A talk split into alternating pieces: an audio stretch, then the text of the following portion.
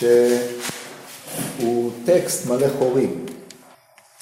כשאני אומר טקסט מלא חורים, פירושו של דבר שכשאתה קורא בו, קודם כל, אה, טקסט מלא חורים, נגדיר את זה היטב, זה שהוא משאיר הרבה מקום לדמיון של הקורא, עד שאתה נעשה שותף פעיל בקריאה כדי להבין את מה שהוא אומר. דבר אחד. דבר שני, הוא יצר לעצמו איזושהי שפה שהיא אה, בנויה על אה, מערכת מושגים שהייתה קיימת כמובן לפניו, כי הרי הוא לא דיבר בחלל ריק, אבל הוא הטעין אותן משמעויות אחרות.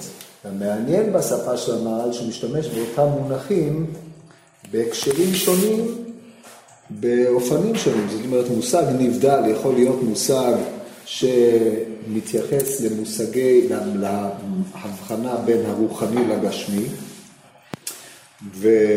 ולעליון מלתחתון, לשמימי מן הארצי, אבל באותה מידה יכול נבדל להיות נבדל לרוע וכן הלאה, על זה הדרך. אשר על כן קריאת המהר"ל יש בה דבר מענג מצד אחד, אם אתה מוכן להפעיל את הבינה שיש בך ולהתעמת עם הטקסטים, כי באיזשהו מקום אתה נעשה שותף כדי להבין את הרעיונות.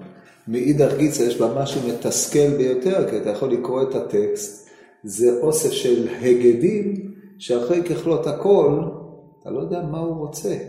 עכשיו, ככל שאתה רגיל יותר לקריאה מערבית, וככל שאתה יותר אמריקאי, שזה חיסרון כשלעצמו, אבל אם אתה ודאי בא עם החיסרון הזה לקריאת טקסטים, אז הבריטים הם לא יותר טובים, הם פשוט יותר מוגדרים, אל תתרברב, אני, אני בא מבריטניה, אני יודע. הצרפתים גם להם יש מגרעות אה, ממגרעות שונות, כן? הם יותר מדי מדומיינים. רק עם ישראל במיטבו, הוא יודע לראות את הדברים על נכוחה, ואנחנו קיבוץ גלויות, כמו שאתם יודעים, אז אנחנו מביאים איתנו מטען מלא קליפות, אבל יש בזה גם יתרונות, ובהזדמנות אני אסביר לכם את היתרונות. מכל מקום, כאשר אתה בא לטקסט כזה ואתה רגיל לקריאה שבו, אם אתה רגיל לקריאה מדעית, שהדברים מוגדרים היטב, בוודאי, בוודאי אם יש לך ראש מתמטי, פיזיקלי, וגם אם אתה רגיל לקריאה פילוסופית, אחרי ככלות הכל, אם אתה קורא פילוסופיה מודרנית, אז אתה נתבע להגדיר את מערך הטיעונים שלך בצורה ריגורוזית. כשאתה בא לטקסט כזה, אתה אבוד. למה אני אומר לכם את זה? מפני שמי שיש לו ציפיות מן הטקסט, והוא לא מתכוון לקרוא אותו כמו שהוא קורא עיתון, שהוא לא צריך להתאמץ בכלל, הוא קורא איזה ספר פופולרי, כמו שאתם יש בספרייה, ספרי אמונה פופולריים שאתה קורא, טיק טק אתה מבין הכל, ובעצם נשארת רק עם אוסף אינפורמציה. פה המהר"ל דורש שיתוף פעולה מן הקורא, אבל לא שיתוף פעולה בהיותך קורא, אלא בהיותך מנסה להבין את הרעיונות שלו, לקרוא בין המילים. לכן אמרתי, זה טקסט מלא חורים, ומי שצריך למלא את החורים זה אתה. לכן אתה יכול לקרוא פרשנות, המהר"ל, פרשנות מגוונת ומעניינת מאוד. יש כאלה שיקחו את הטקסט לפה ויש כאלה שיקחו אותה לשם. אז אם תשאלו ותאמרו, אז מה היתרון בקריאת המהר"ל? אז המהר"ל באופן יוצא מגדר הרגיל, שם לעצמו מטרה להנגיש לך את תורת חז"ל. בניגוד, ל... או לא בניגוד, בשונה מפרשנים לפניו, הוא משתית את כל הגותו על דברי חז"ל. הכל, כל דבר מושתת על דברי חז"ל. פה בעניין הזה אתם רואים את זה בעליל, הכל נפתח, כמו שהוא פותר במשלי, ואחרי זה מגבה את זה על דרשות בגמרא ומפרש אותם. וכן הלאה, גם בספרים השיטתיים שלו, כמו ספר אה, גבורות השם, כולו בנוי על אגדות חז"ל. אלא מה, תגידו אגדות חז"ל, הכי נראה את הספר הזה כמו ספר אה, מנורת המאור, שזה אוסף לליקוט אגדות, או להבדיל אלפי הבדלות, ספר האגדה של ביאליק. לא, מפני שהאגדות הללו עוברות היתוך, פרשנות, במוחו הכביר של המהר"ל שהוא איבד אותם, ויצק בהם תוכן. הדבר הזה בעצם עובד לשני כיוונים. מצד אחד, הרעיון שהוא רוצה להביע אחרי ככלות הכל, מפורש בחז"ל, אבל מאידך גיסא, אתה מוצא בחז"ל את מה שאתה רוצה להגיד, כן? לכן יש לזה צדדים לכאן ולכאן, אבל זה דרך התלמוד, אבל מדברי המהר"ל אנחנו למדים הרבה מאוד איך לגשת להגדה של חז"ל, איך לקרוא אותה.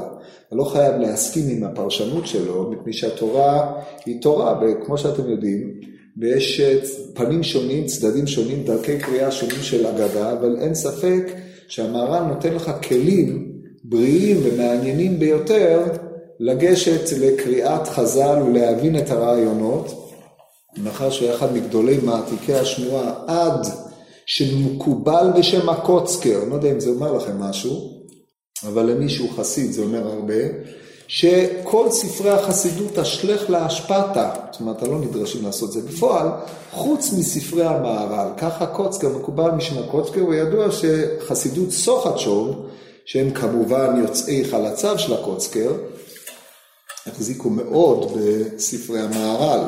גם בצד המתנגדי, ספר קצות החושן, בהקדמתו, או ב, לא בקצות החושן, סליחה, של שמייטה, בהקדמה, מוזכר תפארת ישראל, המהר"ל.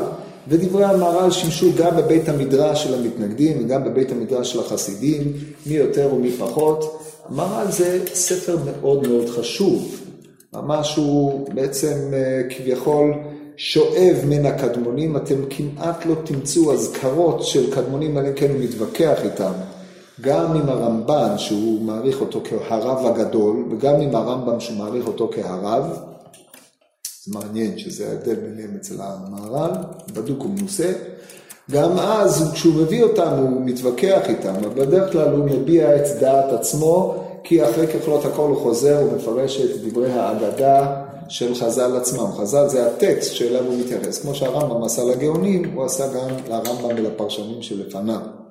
אז לכן, אדם יוצא נשכר מחד גיסא מלימוד המהר"ל, מאידך גיסא הוא לא תמיד יודע אם מה שהוא אומר זה מה שהמהר"ל אומר, כן? שזה הסיכון. אז אם האדם הזה מחפש שיגידו לו מה לעשות, אז הוא לא מחפש את האדם המתאים. אבל אם האדם מחפש מישהו איזה שיפתח לו צוהר בהבנת דברי חכמים, מתוך ההנחה שאתה צריך להצטרף אליו בקריאה הזאת, אז אתה נמצא במקום הנכון, כן? זאת אומרת, אם אתה מוכן להתאמץ, טוב, אם אתה בא לשמוע כמה דרשות או לקבל כמה וורטים, אז מוטב שתחפש את זה בספרים אחרים ולא בספר הזה. אני מניח שאתם התרשמתם מזה כבר בקריאה הזאת, וכמובן זה תובע מן הקורא קצת יותר מאמץ. זה לא נקנה בהבטה, כמו שהפקר גם לא נקנה בהבטה, אבל אה, זה המשמעות, וזה החשיבות של לימוד המהר"ל. הוא הונהג בישיבות אה, על ידי, הונהג לאחרונה, זאת אומרת במאה השנים האחרונות יותר ויותר, בישיבות בפרט, בציונות הדתית במרכז הרב, שם הוא תפס תאוצה, ואצל הישיבות החרדיות פחות, עד שרק אה, לאחרונה נכנס יותר בעקבות השפעתו של הרב משה שפירא זצ"ל, אבל אה, אלה שהתעסקו בעולם הליטאי, במחשבה, המעמיקים במחשבה בעולם הליטאי, הם בנו הרבה על, בונים הרבה על מהר"ל ורמח"ל כיסודות להבנת הדברים. לכן אדם ראוי לו להשקיע בדבר הזה. אני זוכר בזמנו, הלכתי לדבר עם ראש הישיבה, והוא שאל אותי מה אני מלמד באיזה חבורי, אמרתי לו, דרשות הרמב"ן. אז הוא אומר לי, מה עם הרמב"ם? אמרתי לו, הרמב"ן זה ודאי והרמב"ם זה ספק, וכתוב תפוס את הוודאי ואל תתפוס את הספק. כי הרמב"ם, ספק אם אתה יודע מה הוא אומר, אבל הרמב"ן, אתה יודע בוודאי מה הוא אומר, והדברים הללו הם דברים יסודיים, אז אמר לי, לא, וכן הלאה, כמו שהוא היה תמיד אומר על ה... אבל זה, זה ככה.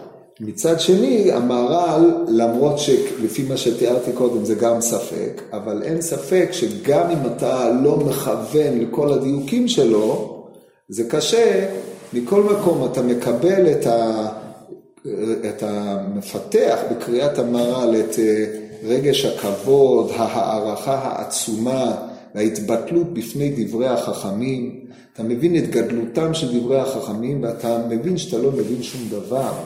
ביחס לעומק דברי החכמים, דבר שאדם בדורנו חייב לפתח. מפני שאדם שאין לו הכנעה לפני דברי חכמים, לא יכול ללמוד כלום. כמו שידוע, שלוש מידות הן בהשגת החוכמה, כמו שזה מתורות החסידות היותר מוקדמות, יש לך את ההכנעה, ההבדלה וההמתקה. אדם שאין לו הכנעה, לא משיג כלום.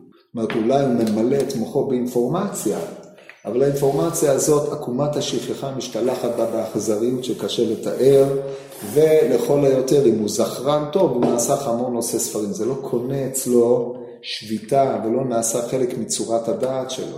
השלב השני, אחרי ההכנעה, כאשר קיבלת את זה, בא שלב ההבדלה, שבה אתה מבדיל בין דבר לדבר, אתה יכול לעמוד ולראות איך הדברים הללו עומדים ביחס לדברים האחרים. שלב המכליל, שהוא השלב האחרון, זה שלב התענוג היותר גדול, זה שלב ההמתקה, שהדברים נעשים ממותקים, דהיינו הגבורות ממותקים בחסדים, ואתה מקבל צורת דעת מחודשת. ידוע שהדעת היא הפנימיות המחברת בין החסדים והגבורות, שזאת ההבדלה, זה השלב היותר עליון. בזה צריך הרבה יגיעה כדי להגיע לשלב הזה.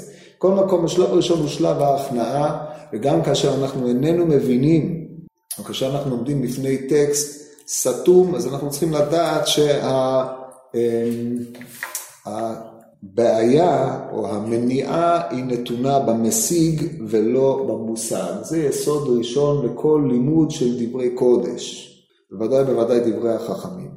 ומצד שני כתוב הוי מתאבק בעפר רגליהם, ידוע הביאור משם רב חיים מוולוז'ין בפירוש רוח חיים על פרקי אבות, מתאבק בעפר רגליהם, זה לשון מאבק ממש, אבל אחרי ככלות הכל אתה עומד רק במדרגת עפר הרגליים, שזה גם צריך לדעת. טוב, אחרי ההקדמות הנמלצות האלה אנחנו נמשיך איפה שהיינו בפעם שעברה, אנחנו בעמוד, בעמוד, אמ, לא איזה עמוד בדיוק. אנחנו בעמוד, אה, שנייה אחת, זה למדנו צדיק א', בטור שמאל. הגענו לנקודת המחלוקת, מה, באיזה סברות נחלקו רבי לוי ורבי סימון. אומר המהר"ל,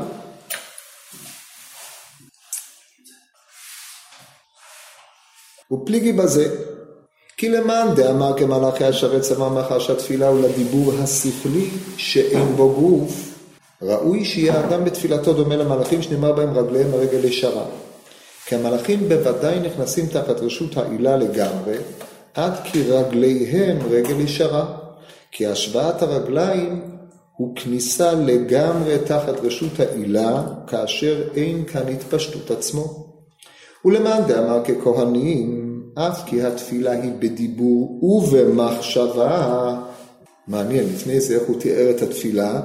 דיבור השכלי.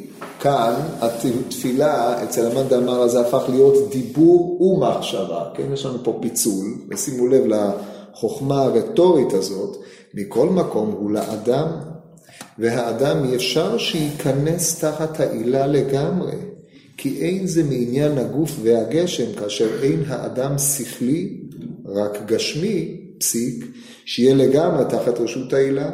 כי הגשם נבדל מן העילה, ולכך יש לו להיות דומה אל הכהנים, שהיו הולכים עקב בצד אגודל, ולא היה כאן התפשטות עד שיהיה נמצא חילוק ערווה אשר הוא מצד גוף. ויש לך להבין עניין זה מחלוקת החכמים מאוד. עד כאן ביאור המחלוקת, הוא כמובן מושתת על מה שהמהר"ל העריך להגיד, אז נסביר בקצרה באיזה סברות נחלקו. הרי הואיל וכולי עלמא לא פליגי שהאדם הוא המתפלל, מחד גיסא, והואיל וכולי עלמא לא פליגי שהתפילה כשהיא לעצמה היא הדיבור השכלי, מאידך גיסא. אשר על כן צריך להבין שנקודת המחלוקת שלהם היא היחס שהאם אני דן על התפילה מצד הדיבור שבה, או אני דן על התפילה מצד בחינת המתפלל שבה. לפי המאן דאמר אחד, שאנחנו רואים אותם ככהנים, רגליהם רגל ישרה. היות הרגל רגל ישרה זה איננו אלא גוף ארוך אחד. זה המשמעות של רגל ישרה. הרגל היא אומנם המשכת הגוף, אבל כיוון שאין לה התפשטות, היא לא מחולקת לשניים, אז היא פשוט מעמידה אותו כיחידה עומדת שהוא נמצא לגמרי תחת העילה. כמו שתיארנו את זה בשבוע שעבר, הוא שליח שלם, נושא המרכבה לגמרי, הרי בשביל זה המהר"ל הכניס את דימוי המרכבה. בתור נושא המרכבה גם אדם הוא כך, אני אתן לכם דוגמה. כאשר אתה מתפלל, אתה חונן לאדם דעת ומלמד לאנוש בינה. או כאשר אתה מתפלל על להשיב השופטנו כבראשונה ויועצינו כבתחילה. מה התפיסה שלך? האם אתה בא ואומר כך, הואיל וברור שתכלית הבריאה היא כהיכי דלישתמדעון לי, כמו שכתוב, דהיינו שיכירו וידעו כל יושבי תיבל כי לך תכרע כל באר תישבע כל לשון, דהיינו תכלית הבריאה זה הכרת הבורא יתברך והעמידה לפניו מתוך שכזה. אז התפילה איננה אלא שאתה נעשה כביכול שליח של הבורא יתברך לקרוא לכך שהוא ישיב שופטנו כבראשונה ויועצינו כבתחילה כדי שתיקרא ירושלים עיר הצדק ותגלה מלכותו במהרה. והרי זה גוף הרצונו יתברך. ששמו יתגלה בעולם, והמשכת הגילוי הזה איננו על ידי עם ישראל, עם קרובו, שהם מעלים מים נוקבין, על ידי זה שמקיימים תורה ומצוות. ואנחנו על זה אומרים, ריבונו של עולם, תן בנו את היכולת כדי לעשות רצונך, הרי הדבר הזה איננו אלא קיום שליחותו ועשיית רצונו ממש. מבחינה זו, אנחנו בוודאי שליחים העומדים תחת העילה. לחלוטין. הדיבור הזה הוא דיבור שכלי, והדבר הזה הוא תואם את הרגל הישרה. פה הביוגרפיה האישית שלי, היא לא נכנסת לעסק בכלל, מצד אחד. ומצד שני, הואיל ואנחנו מקבלי הטובה הזאת, זאת אומרת, כאשר אני בא ואומר, ריבונו של עולם, רפאינו השם ונערפה, או שהיינו בניוושע, או כאשר אני אומר, אתה חונן לאדם דעת ומלמד לאנוש בינה, או כאשר אני אומר, והסר ממנו יגון והנחה, הרי אני מקבל הפעולה אחרי ככלות הכל. אז יוצא שהתפילה הזאת, אף על פי שהדיבור הוא דיבור שכלי, ואני מעמיד את עצמי לפניו בדיבורי ובמחשבתי, מכל מקום מי שעומד לפניו זה אדם בעל גוף. אדם שמתפעל מהשפע שהקדוש ברוך הוא משפיע אל האדם. הדבר הזה דומה יותר לעבודת הכהנים, שעיקר תכלית עבודת הכהנים היא להשכין שכינה בישראל, אבל הם באים מתוך עם ישראל והם חוזרים להיות שלוחי המקום אל ישראל. כמו שאמרנו, שלמד נקטינה למסקנה, הכהנים הם גם שלוחי דרחמנה וגם שלוחי דידה. בצורה יותר קיצונית, אנחנו שולחים אותם כדי שהם יהיו שלוחי דרחמנה, אבל המיית, נקודת המוצא, הייתה אנחנו. אנחנו שלחנו אותם להיות שלוחי דרחמנה. וכיוון שאנחנו שלחנו אותם להיות שלוחי דרחמנה, להיות לא לעם, אז עבודת הכהנים אמנם מייצגת שליחות אלוקית, אבל שליחות אלוקית שהיא מכוונת אל העם עצמו. לכן למרות שהדיבור הוא דיבור שכלי, ולמרות שהאדם מעמיד את עצמו לפני הבורא יתברך בדיבורו ומחשבתו, אחרי ככלות הכל הוא נעמד בגופו המתפעל, הגשם, המגדל, שלא יכול להיות תחת רשות העילה לגמרי. כדי להבין את הדבר הזה קצת יותר, צריך לדעת שהמצב האופטימלי של העולם הוא מה שקורה אחרי ששת אלפים שנה. יש שיט אלפי שנין קאי עלמא, אומרת הגמרא במסכת סנהדרין בחד חרוב. המצב שבו, לפי תפיסת רוב המפרשים, למעט הרמב"ם, העולם באלף השביעי עד האלף העשירי הולך ומתעלה, כן? וכיוון שהולך ומתעלה, גם הגוף מזדכך. הגשם כבר הוא איננו אותו גשם, אמנם יש מדרגות כמו שיש מדרגות ברוח, אבל הוא מתעלה. ולא זו בלבד, אלא עוצמות הגוף הופכות להיות גדולות מעוצמות השכל, כמו שביאר את זה אחד האדמו"רים, מפני שהגוף הוא כולו אש סוערת, תאווה בוערת, כאשר אתה מכוון אותה לצדדים היותר גבוהים, אז היא נעשית עטרה על כוחות השכל, זה מה שכתוב, אשת חיל עטרת בעלה, היא הולכת ומתעלה. זה באמת העבודה שהרוח מנתבת את הגשם, את הנפש, הנפש הבהמית, אבל הנפש הבהמית בסוף הופכת להיות עטרה על, הנפ... על הרוח. אבל כל עוד אנחנו בשיטה אלפי שנים, בתוך העולם הזה, עם נטיות האדם, עם היבדלותו מהדבקות שיש לו באשר יתברך, באשר הוא נזקק לצורכי האדם, העולם הזה, תאוותיו וענייניו, הרי שאי אפשר שהאדם באשר הוא גשמי יהיה תחת העילה לגמרי. לכן גם בזמן התפילה, אדם לא יכול, או אדם לא מבטא לחלוטין את העמידה שלו תחת העילה, ודיו שלא יגלה את ערוותו. גילוי הערווה, כמו שהסברנו בפעם הקודמת, לא מדובר פה על הגילוי הממשי, אבל גילוי הערווה, פירושו של דבר, גילוי הניתוק שלו מן הבורא יתברך. כהנים שהם שלוחי דרחמן הולכים עקב בצד גודל כדי לבטא מחד גיסא את הם, הם צריכים ללכת באשר הם בני אדם, אבל מאידך גיסא ההליכה הזאת מבטאת במינימום את העצמיות שלהם, אלא מורה אותם יותר ככפויים או משועבדים לחלוטין לבורא יתברך. אז על כן פה מסביר המהר"ל את שורש המחלוקת לפי הבחינות הנ"ל. מצד אחד, האם אני דן מהתפילה אל המתפלל, או שאני דן מהמתפלל על מעמד המתפלל עצמו, והיא מאפיינת את האופן שבו הוא עומד בתפילה. זה בקצרה. יש מישהו שלא הבין? אין. הלאה. לא הבנתי. למה הגילוי של הערבה הוא מהווה ניתוק? למה מה? גילוי הערבה הוא... זה הסברנו בפעם שעברה. מה הסברנו? או שאתה לא זוכר, או שאתה לא הבנת אז. זה לא משנה. אז אני אסביר עוד פעם. מה זה גילוי הערווה של האדם? הערווה של האדם, המושג ערווה, זה אה, כמו ערוות הארץ באתם לראות. נקודת התורפה שלה, כן? נקודת הערווה אצל האדם צריכה להיות מכוסה, נכון? מפני שהגילוי הערווה הוא תמצית השאיפות העצמיות של האדם, הרצונות, העצמיות שלו, כן? שהיא ודאי איננה תחת העילה, אלא מבחינת העילה עובדת אצלו, כן? כן. זה בקצרה. טוב, הלאה. ויש לך להבין עניין מחלוקת החכמים מאוד, כן, אני לא יודע מה, מה להוסיף לכם על הדבר הזה, וזה פחות או יותר מה שהבנתי לפי שעה ממה שכתוב פה, ולא לא נחזור לקרוא איך הכל נכנס בפנים, אני משאיר לכם את זה לאחר כך. עכשיו, מציע מהר"ל מהלך אחר, שהוא מעדיף את המהלך הראשון הזה, נראה את המהלך השני. גם יש לפרש כי הרגליים הם מורים על פחיתות, כאשר ידוע מן הרגליים שהם שפלות האדם. לפיכך במקום קדושה צריך להסיר המנהל שהוא על רגל, נקודה. הרגליים מורים על פחיתות, כן? בפנימיות אנחנו יודעים שהרגליים מייצגים את הבחינות היותר תחתונות שהן התקשרות אל הזולת, דיברנו על זה בעבר, יש את העצמיות שזה הגוף, וההתקשרות אל הזולת, אל הירידה אל, אל האחר, הם בחינת הרגליים. ולכן, כאשר אדם עומד במקום שכינה, הוא צריך לכסות את נקודת הפחיתות שלו. בגדול, ידוע שחליצת נעל היא כנגד הגוף, הנעל מייצג את הגוף לעומת הנפש, אשר על כן הרגליים או חליצת הנעל מן הרגל מעמידה את האדם בלי איזשהו, אה, אה, או מנקה את הפחיתות שלו, כן? זה באיזשהו אופן, לזה הוא מרמז. ולכן, לפיכך, במקום קדושה צריך להסיר המנהל שהוא על הרגל.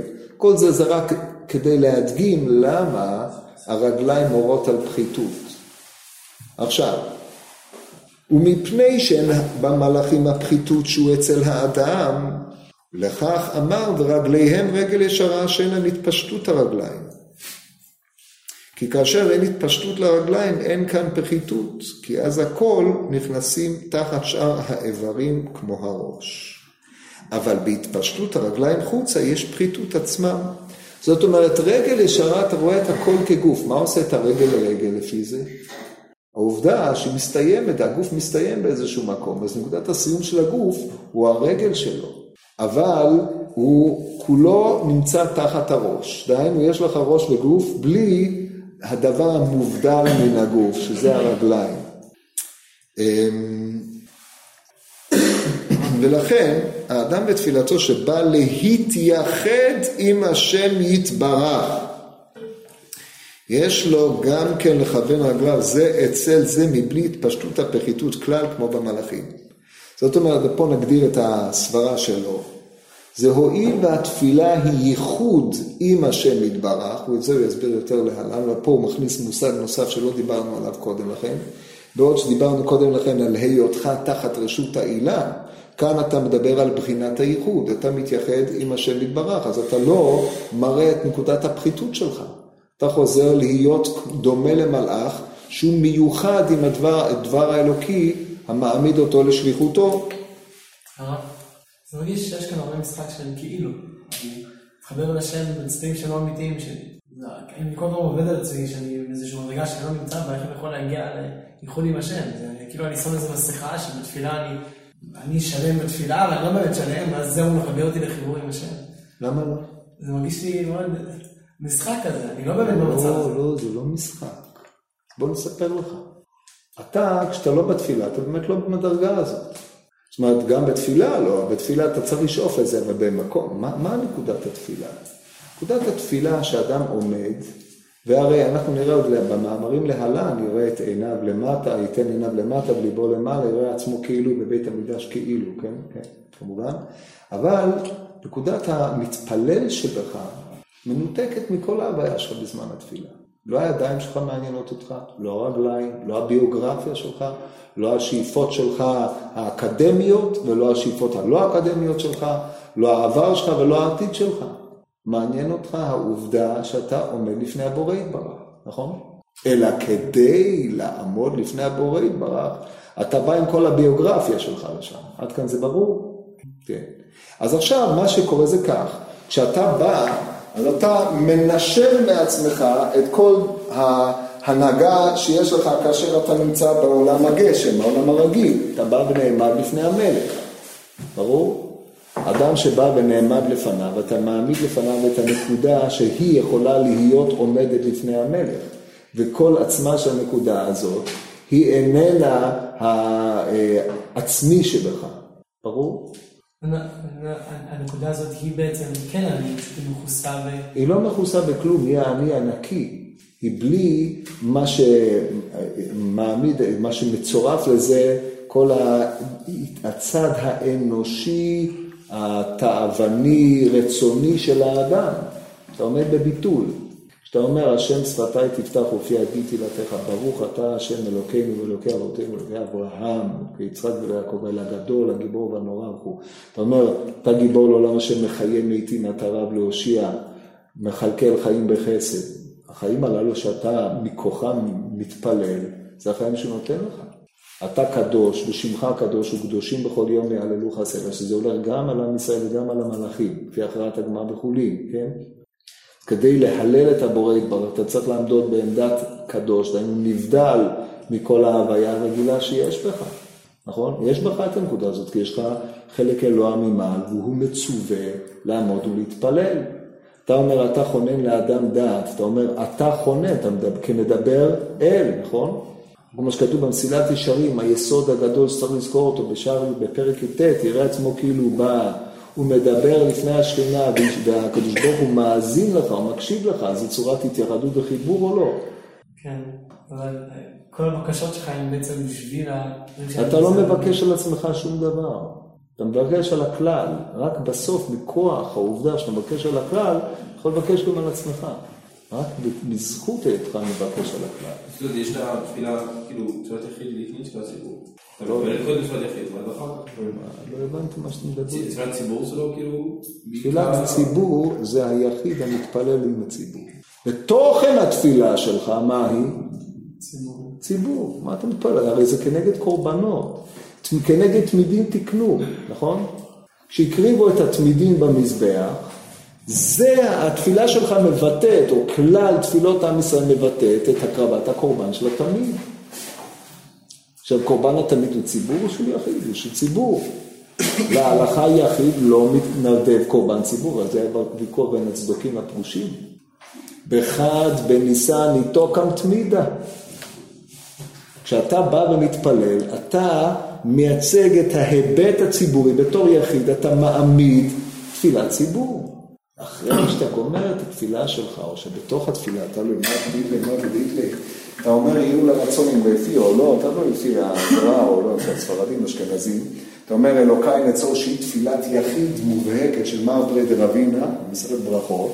אז בסוף אתה מוסיף בקשות מכאן ועד הודעה חדשה, כל אחד לפי עניינו.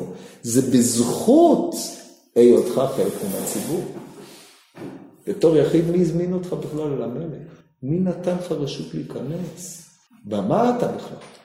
הזמינו אותך, מה אתה חצוף? אתה פורץ אל המלך ואומר ריבונו של עולם, כואב לי הרגל, חסר לי זה, אני לא מבין את זה, אין לי את זה, יש לי את זה, תעזור לי, תעשה...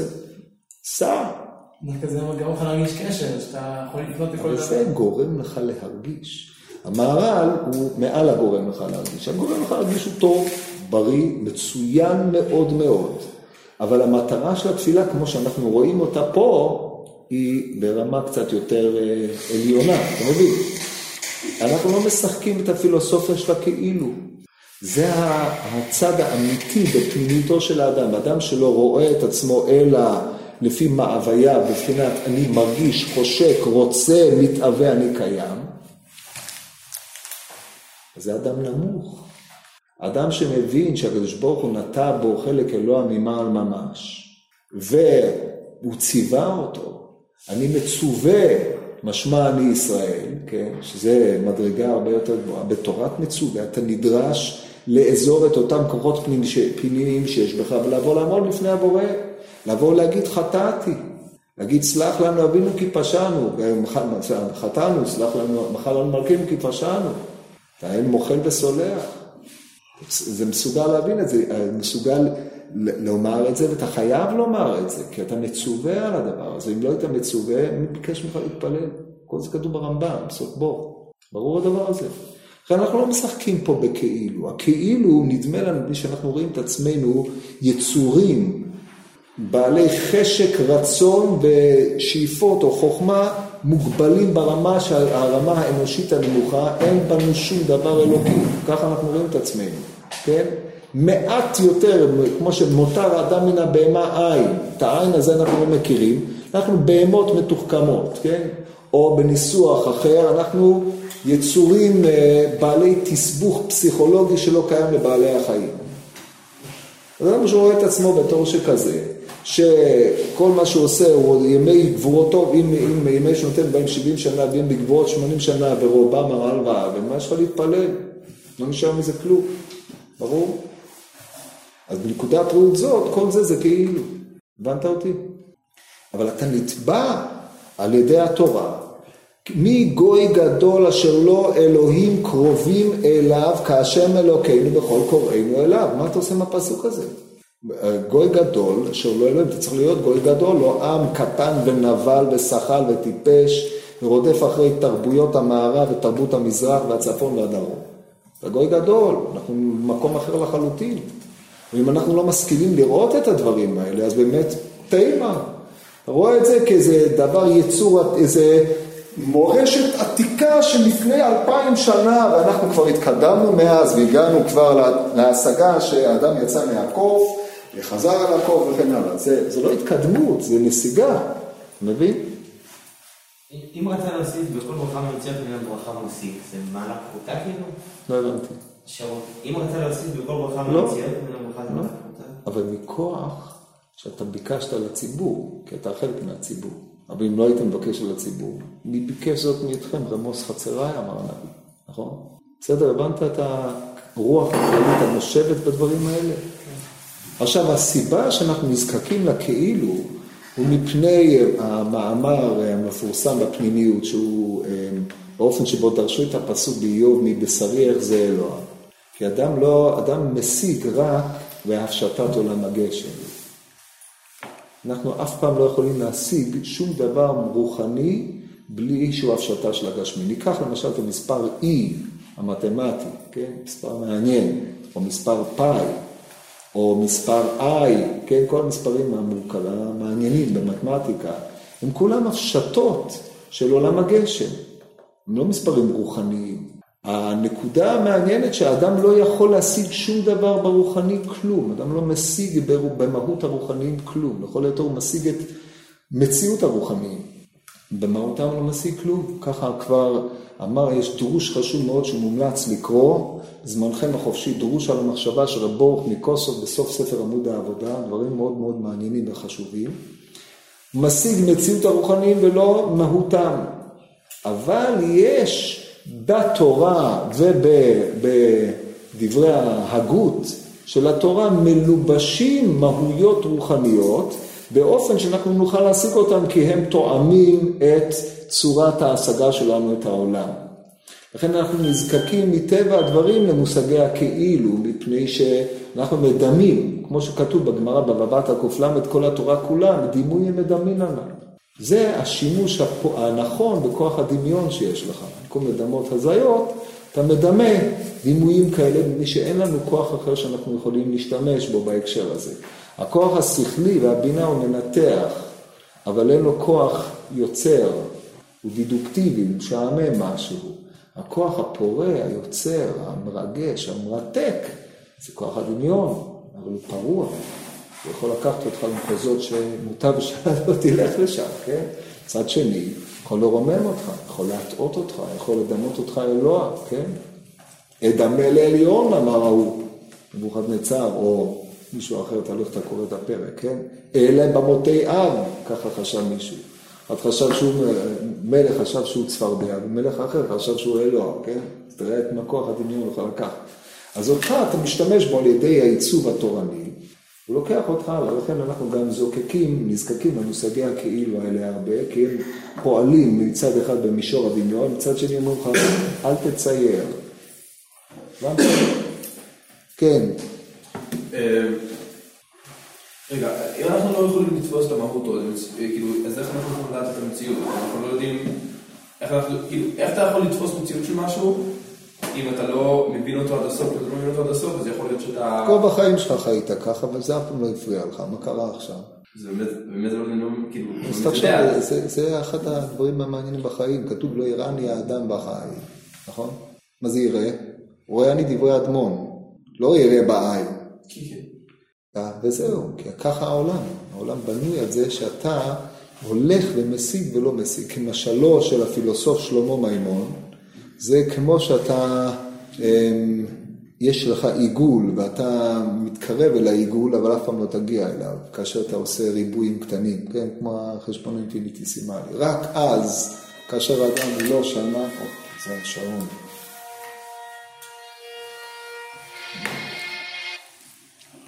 טוב, רק אז אדם יכול להשיג משהו, הוא מבין מה שהוא לא השיג, זה תמצית החיים, אחרת איזה בחירה הייתה לך. הבחירה שלך שאתה יכול לראות כאן, אתה יכול לראות כאן.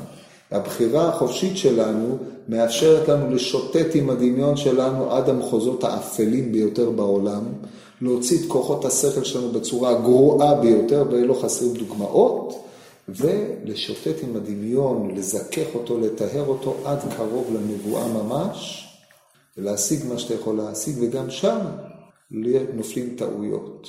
כי תמיד יש בחירה. עד זיבולה בתרייתא שלמה, כלשון הגמור, כן? זה הטבע של החיים. אז זה היה רק הרצאה קצרה מאוד על תורת הכאילו, ואתם צריכים אה, לחשוב על זה הרבה, אלה דברים עמוקים, כי כל הזדקקות למערכת מושגים רוחנית היא תמיד מלאה משלים, כרימון. עמד על זה לראשונה, לא לראשונה, עמד על זה הרמב"ם במורה נבוכים, בהקדמה ובכמה וכמה מקומות. אבל זה מה שעומד ביסודם של דברים, אתם צריכים לחשוב על זה עוד ועוד, וזה מה שיפה בזה. זה יפה, זה גם נותן לך מקום בפנים. אם אתה רוצה הכל מתמטי ובנוי, אז אה, אתה תהיה מספר, אתה לא תהיה בן אדם. בן אדם הוא לא כזה. צריך לתת לזה גם... כמו שאמרתי בהתחלה, יש חורים שאתה צריך למלא, ולא תמלא אותם עד הסוף. זה היופי שבחיים. לא, אין, אה, אף פעם אתה לא מגיע לשלמות.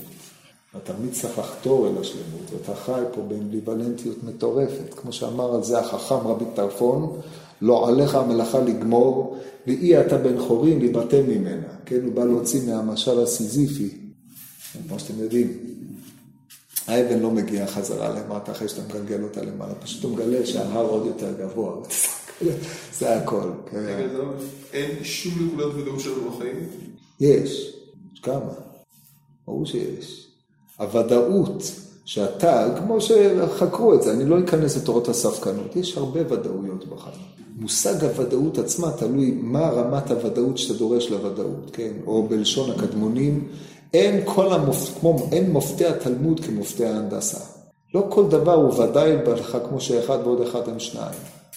אחד ועוד אחד הם שניים זה אחרי לא הכל הסכם. אקסיומות פיאנו מנפיקות לך את זה והם עצמם הסכם, נכון? אי אפשר להוכיח את זה.